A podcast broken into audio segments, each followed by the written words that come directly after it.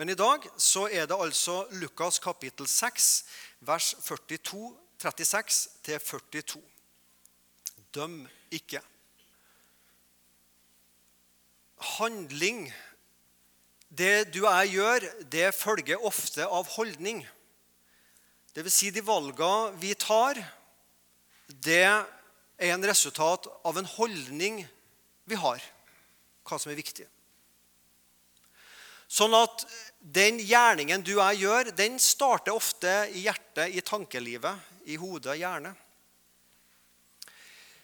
I hjertet, som er sentrum av vår personlighet, så skapes positive eller negative holdninger til andre mennesker.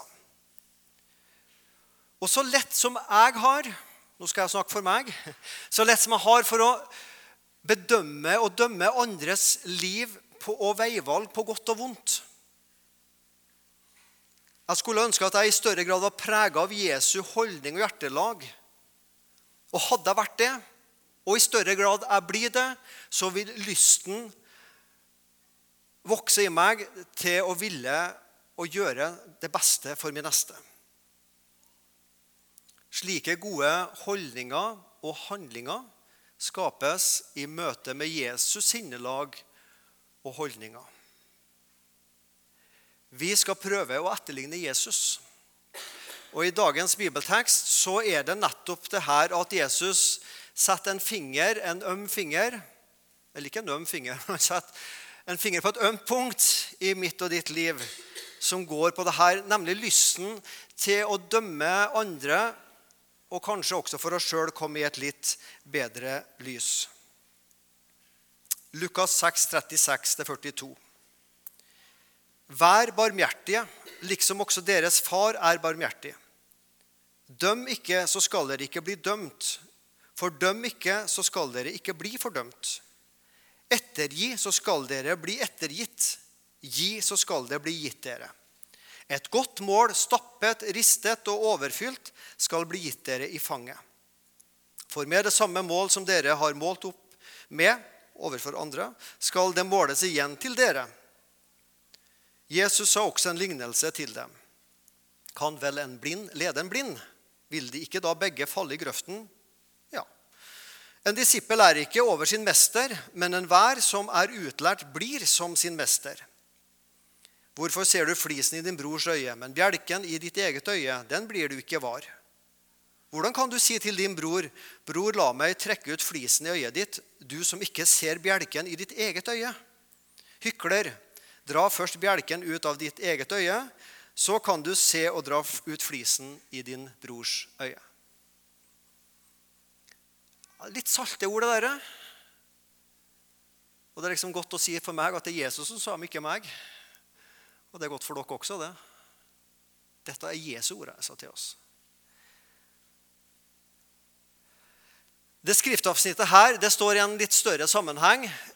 Vi møter litt av de samme eh, ordene og tekstene hos eh, Matteus, bergpreken. Lukas har en litt kortere versjon, og den kalles der sletteprekenen. Det er noen sånne ord som teologer har satt på dem. Men det er trolig samme talen som både Lukas og Matteus refererer til. Vær barmhjertig, sier Jesus, liksom også deres far er barmhjertig. Ordet barmhjertig kan også oversettes med medlidenhet. Vær medlidende. Ha noen inntil barmen din, inntil hjertet ditt, barmhjertig. Som Guds barn så bør vi ligne vår far. Gud er vår far, Jesus er vår bror. Vi er Guds barn, vi er Jesu brødre og søstre. En familie. På en eller annen måte ligner vi på våre ikke sant, foreldre. På godt og vondt. Så kan vi si på Gud ligner vi kun på godt. da. I den grad vi ligner på Gud. da. Vær barmhjertig, for Gud er barmhjertig. Derfor bør vi være barmhjertige.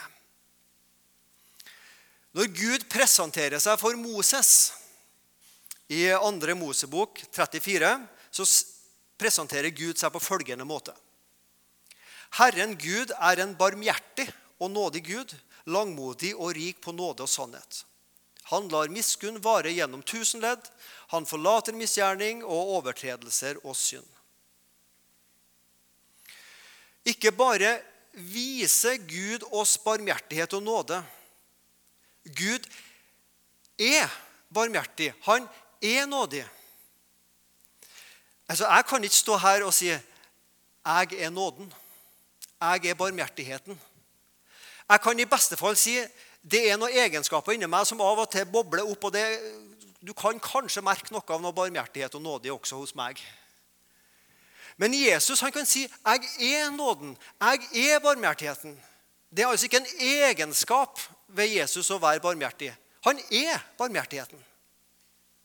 Det er ikke en del av Jesus å være nådig. Han er nåden. Det er ikke en del av Jesus som er hellig. Han er hellig. Gud er barmhjertig i sitt vesen, ikke som en egenskap. Vår evne til å vise barmhjertighet den blir synlig for andre mennesker gjennom de holdningene og handlingene jeg viser og praktiserer. Og I versene 37-38 så bruker Jesus fire verb for å avsløre min manglende, eller eventuelt hva det måtte være, av barmhjertighet jeg har. Jesus snakker om å dømme, fordømme, ettergi og gi. Negativt så vil jeg vise min mangel på barmhjertighet ved å dømme og fordømme andre mennesker. Hvor lett ja, nå får jeg snakke for meg sjøl, men hvor lett jeg har for å dømme mennesker som er ulike meg sjøl. Mennesker som har andre meninger enn jeg har, som lever et annet liv enn det som jeg lever, og som jeg tror er riktig å leve. Åpenhet og toleranse overfor dem som er annerledes enn meg sjøl, kan fort bli kun slagord. Fordi jeg og du også, så preges vi i større eller mindre grad av dømmesjuke, sjølrettferdighet og arroganse. Vi trenger aldri å bli lært opp til å være sjølrettferdig, arrogant eller dømmende. Det trenger ikke vi bli lært opp til. Det fikk vi i fødselsgave i syndige Adam. Det vi trenger å læres opp til og øves opp til, det er jo åpenhet og toleranse. Døm ikke, sier Jesus, så dere ikke skal bli dømt. Fordøm ikke, så dere ikke skal bli fordømt. Ordet 'dømme' i Bibelen brukes både om en juridisk dom, menneskets dømmende tanker, men også om Guds dom.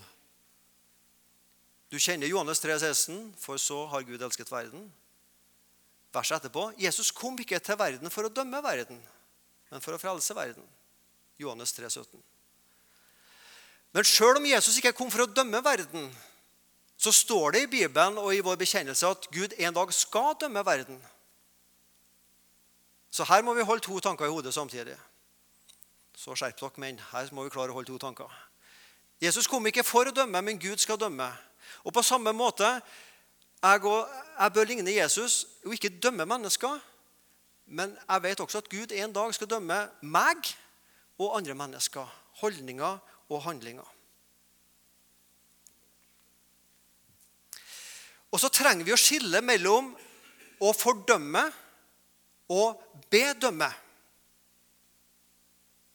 Det er én ting å fordømme et annet menneske, men det er en annen sak å bedømme en sak. Og det skal vi gjøre. Fordømmelse av andres liv det må jeg overlate til Gud sjøl. Heldigvis. Verken skal eller kan jeg bestemme evighetsdestinasjon for andre mennesker. Jeg kan ikke sette opp et stoppskilt i himmeltrappa og si 'hit, men ikke lenger'. Det får være opp til Gud i så fall.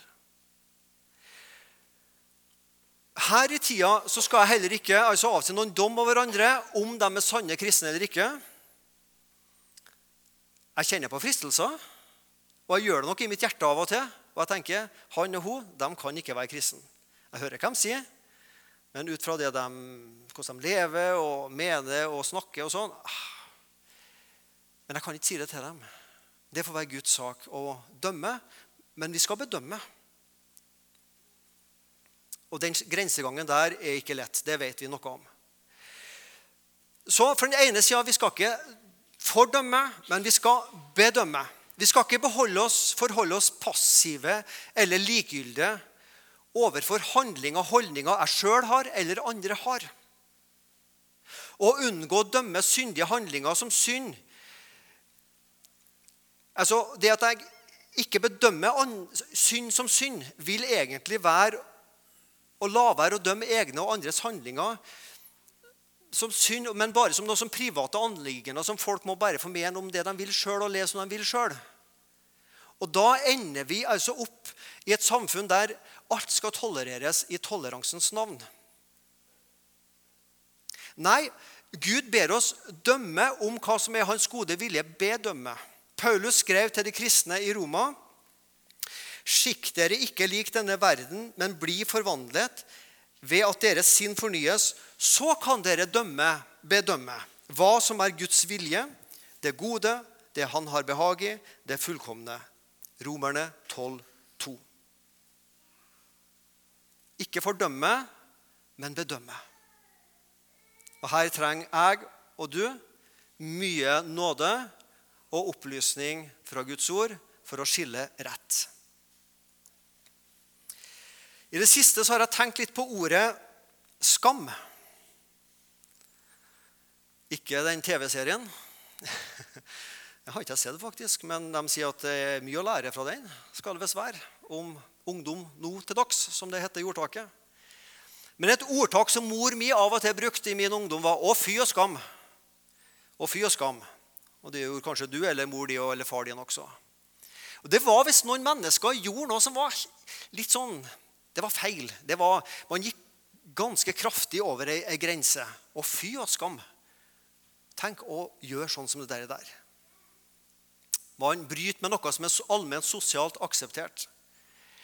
Og Med skiftende kulturer og kulturell påvirkning så endres hva som er moralsk akseptert i samfunnet. Det vet vi etter å ha levd noen tiår. Det er mange ting som aksepteres i dag, men som ikke ble gjort for noen tiår tilbake. Og hva som er skambelagt og ikke skambelagt. Kristendommen har opp gjennom tidene med rette, men også urette, blitt beskyldt for å påføre mennesker skam og skyldfølelse. Og jeg tror nok også at fordi det har vært en del sånn beskyldninger mot kirkene i flertall, med tida så har man blitt mer liberale i enkelte ting. Klær, hårfrisyre, mat og drikke, sex og samliv og mange ting. Så har man med rette eller med urette blitt mer liberal. Uten at jeg skal gå mer inn på konkrete saker. Men det interessante er at i våre dager så er det ikke fra Misjonssalen og Sandnes kirke og kristne bedehus og kirker at det skal snakkes mest om skam. Det er ikke miljøer knytta til den kristne tro primært som snakker mest om skam. Nei, i dag møter vi ikke fy og skam, men å fly og skam. Kjenner du på en skamfølelse for å ta et fly? For å spise rødt kjøtt? For å kjøre bil som går på diesel eller bensin? interessant å følge med i hva som skjer i samfunnet. Folk snakker om skam. Vi skal skjemmes for å fly og kjøre bil. Iallfall hvis det ikke er elbil. da. Og kjøttskam og jeg vet ikke all slags mulig skam du kan få. Og Dette er jo ikke primært knytta til kristentro, men til hva som skjer i samfunnet. Og Det går gjerne på dette med hvor stort klimaavtrykk vi kan sette på miljøet. Hvor stor andel av verdens ressurser vi kan bruke opp. Og Jeg kommer ikke til å gi noen politiske signaler her. Det er ikke min oppgave. Det kan ikke jeg så mye med.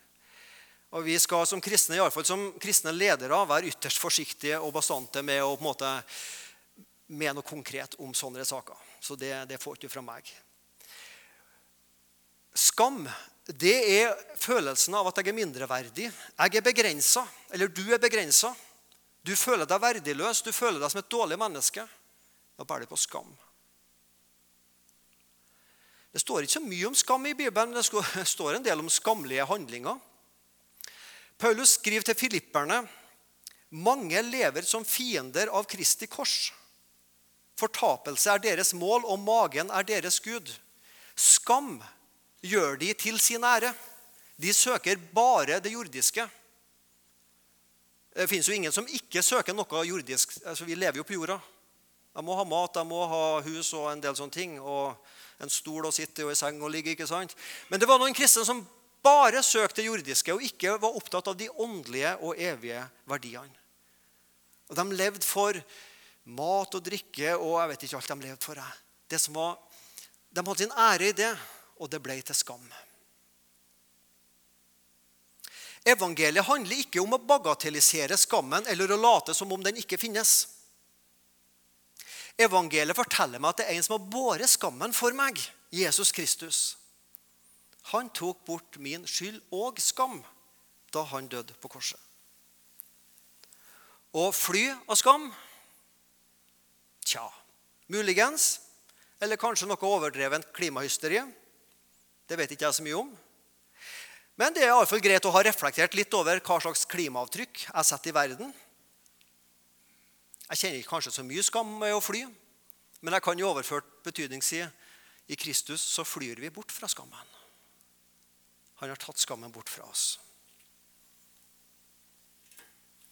En liten betraktning om skam. Vi hopper tilbake til teksten, vers 37. Nå har vi sett på to eh, verb som var negative, altså ikke dømme og fordømme.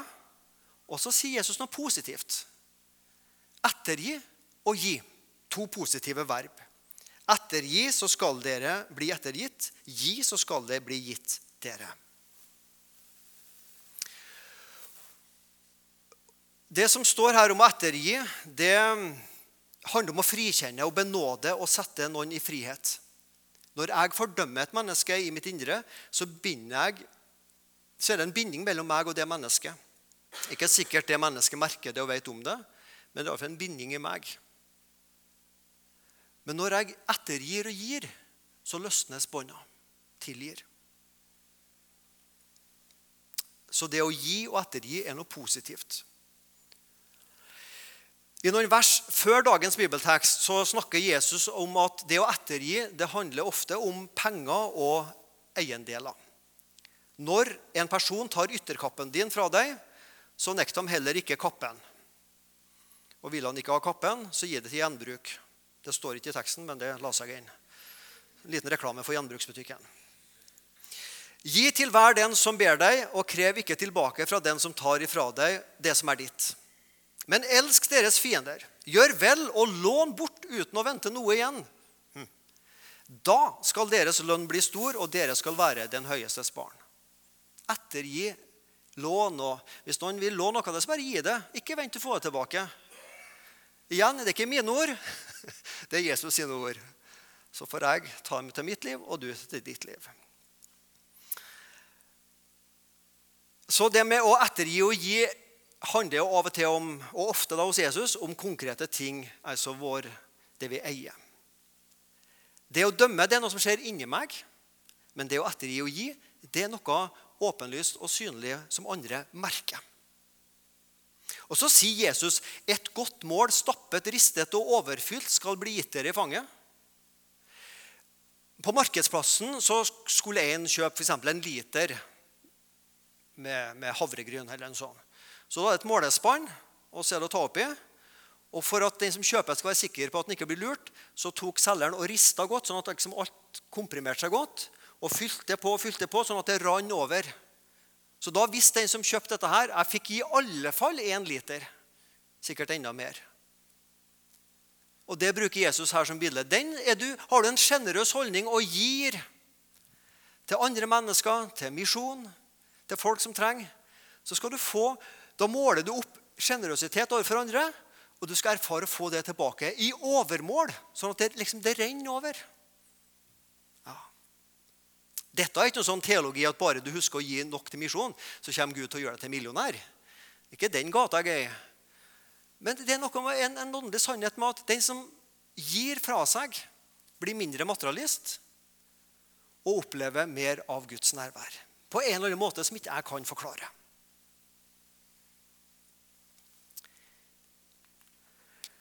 Han sa også en lignelse til dem.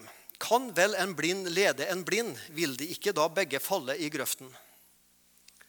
I grunnen et bilde som er veldig sjølforklarende. Man trenger ikke å liksom legge ut det så mye. Det, vi skjønner hva som sånn sett ligger i akkurat den lignelsen.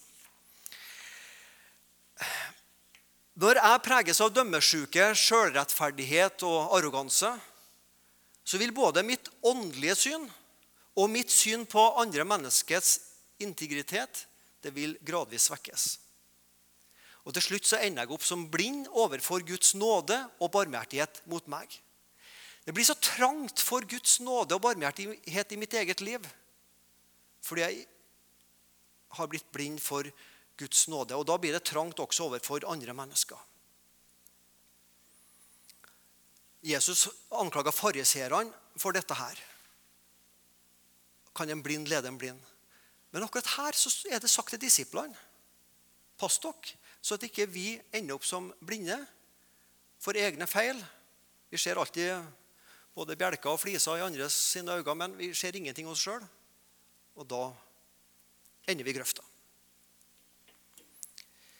Vers 40. En disippel er ikke over sin mester, men enhver som er utlært, blir som sin mester.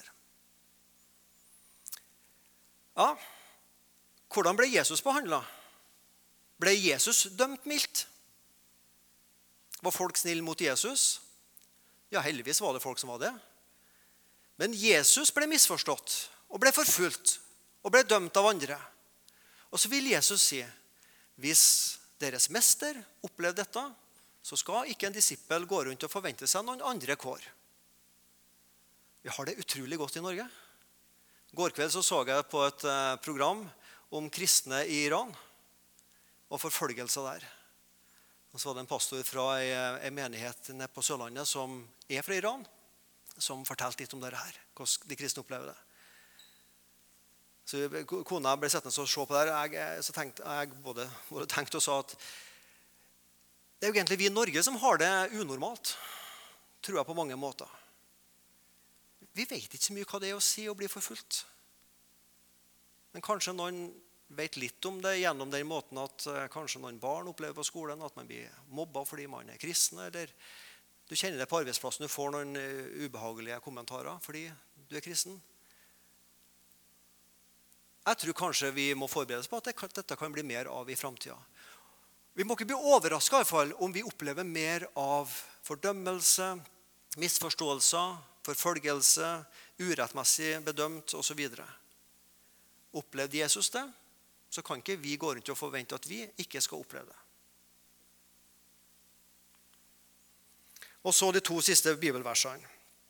Hvorfor ser du flisen i din brors øye, men bjelken i ditt øye, eget øye, den legger du ikke merke til? vet du.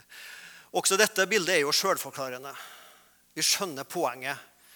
Du trenger ikke å være kristen for å skjønne poenget her. for å si det sånn. Dette, dette poenget skjønner alle mennesker. Ingen av oss går gjennom livet uten å gjøre synd eller feil. Jeg samler opp fliser som etter hvert vokser seg og blir en bjelke.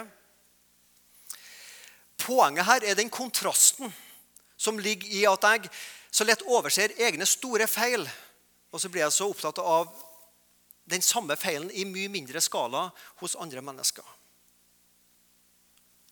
Sjølrettferdighet, blindhet, overfor egne feil gjør at jeg gjerne blir mer dømmende overfor andre mennesker. Jeg syns Og så er det Av og til så snur det seg. For av og til så syns jeg jeg virkelig ser bjelken i min nestes øye. Og så er jeg jo klar over at jeg, har jo litt av det der i, meg, i mitt liv også. Jeg kan vel skjønne at jeg har noen små fliser, jeg også. Men jeg ser jo virkelig bjelken hos min brors øye. Det er den blindheten. Ikke det at hvis min bror har gjort en synd, så har jeg sikkert gjort mye, samme synd mye større. Det kan skifte på. Men det Jesus vil si her Du som så lett ser flisen i din brors øye, har du ikke bare evaluert deg sjøl, men har du ransaka deg sjøl i lys av Guds ord? Har du brukt Guds lov først på ditt eget liv? Johannes 8. Kvinner grepet i hor. De kommer dragende med henne. Og det er åpenbart for alle som ser på, hva det som har skjedd. Det står at de tok henne til og med i å drive hor. Ja, nesten, og Du kunne nesten se for deg at de tok dem midt i akten altså, og, og dro henne ut og på tempelplassen. Og det var veldig synlig For å være i dette bildet med flisen i bjelke Folk så tydeligvis Her var det et, ikke bare et bjelke, men nesten et svært hus altså, i denne kvinnas øyne. Og så sier Jesus, 'Den av dere som ikke engang har en flis i øyet' I overført betydning så var det jo det han sa. Kan kaste den første steinen.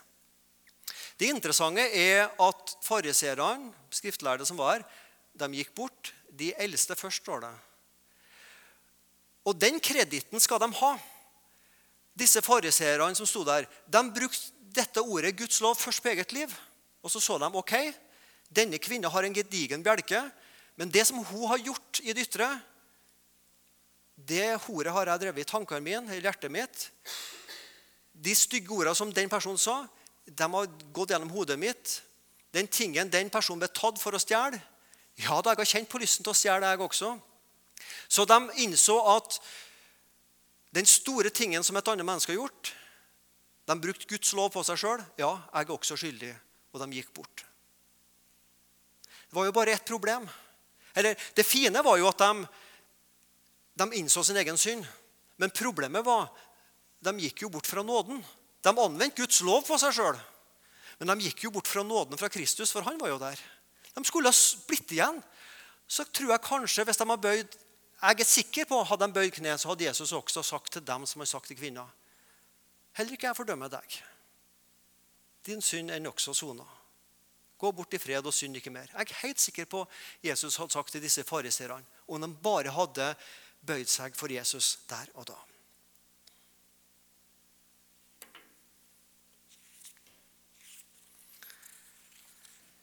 Litt tilbake til det politiske liv igjen. Nok er nok. Syns du du har hørt nok om bompenger? og sånn? Det er nesten du får lyst til å si nok er nok for å høre om nok er nok og bompenger. og alt det der. Og igjen, jeg har ikke noe meninger offentlig om det til dere. For, på ingen som helst måte. Men jeg blir av og til gående og tenke på sånne slagord. Alltid med baktanken hvordan kan jeg bruke dette i en åndelig sammenheng. Kan jeg bruke det i en tale? og det gjør jeg nå. Nok er nok. Ja, Noen vil markere grensa for at hvor mye bompenger vi skal betale. og alt Det der, og igjen, det får være opp til deg å mene noe om. Slagordet 'nok er nok' det ble kjørende rundt i hodet mitt. Og så åpna det veien til en dyp åndelig sannhet, som jeg har visst, men som igjen ble levende for meg.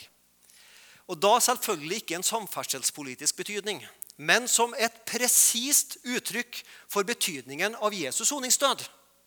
Nok er nok for Gud. Hebreerbrevets forfatter han bruker gammeltestamentlig billedspråk for å si noe om hva som skjedde da Jesus døde på korset. Bildene fra offerordningene til det jødiske eh, folket forteller om at ett offer er nok for alle synder, for alle syndere, for all tid. Med sitt eget blod gikk Jesus inn i helligdommen én gang for alle og for alle synder, kan vi også si. Og han fant, eller han vant, en evig forløsning. Jesus' soningsdød er nok. Skylden for synderes synder og overtredelser ble sona av den syndfrie. Og jeg tenker meg i mitt hode at da Jesus hang på korset og sa 'Det er fullbrakt', så gikk det brøkdelen av et sekund, så kom svaret fra himmelen. Nok er nok. Nå er det nok for Gud. Nå er synda sona. Nå er forsoningen skjedd. Og når Jesus' soningsdød er nok for Gud, så er det nok for oss også. Nok er nok. Ta imot nåden. Gi og ettergi andre. Ikke fordøm andre, men bedøm hva som er Guds vilje. Da lever du et liv i Guds barmhjertighet. Herre Jesus, jeg takker deg for ordene dine, også de ordene som svir litt ekstra. Takk for de ordene vi la sammen i dag og delt. Hjelp hver enkelt av oss til å anvende dem på vårt eget liv, sånn som du vil.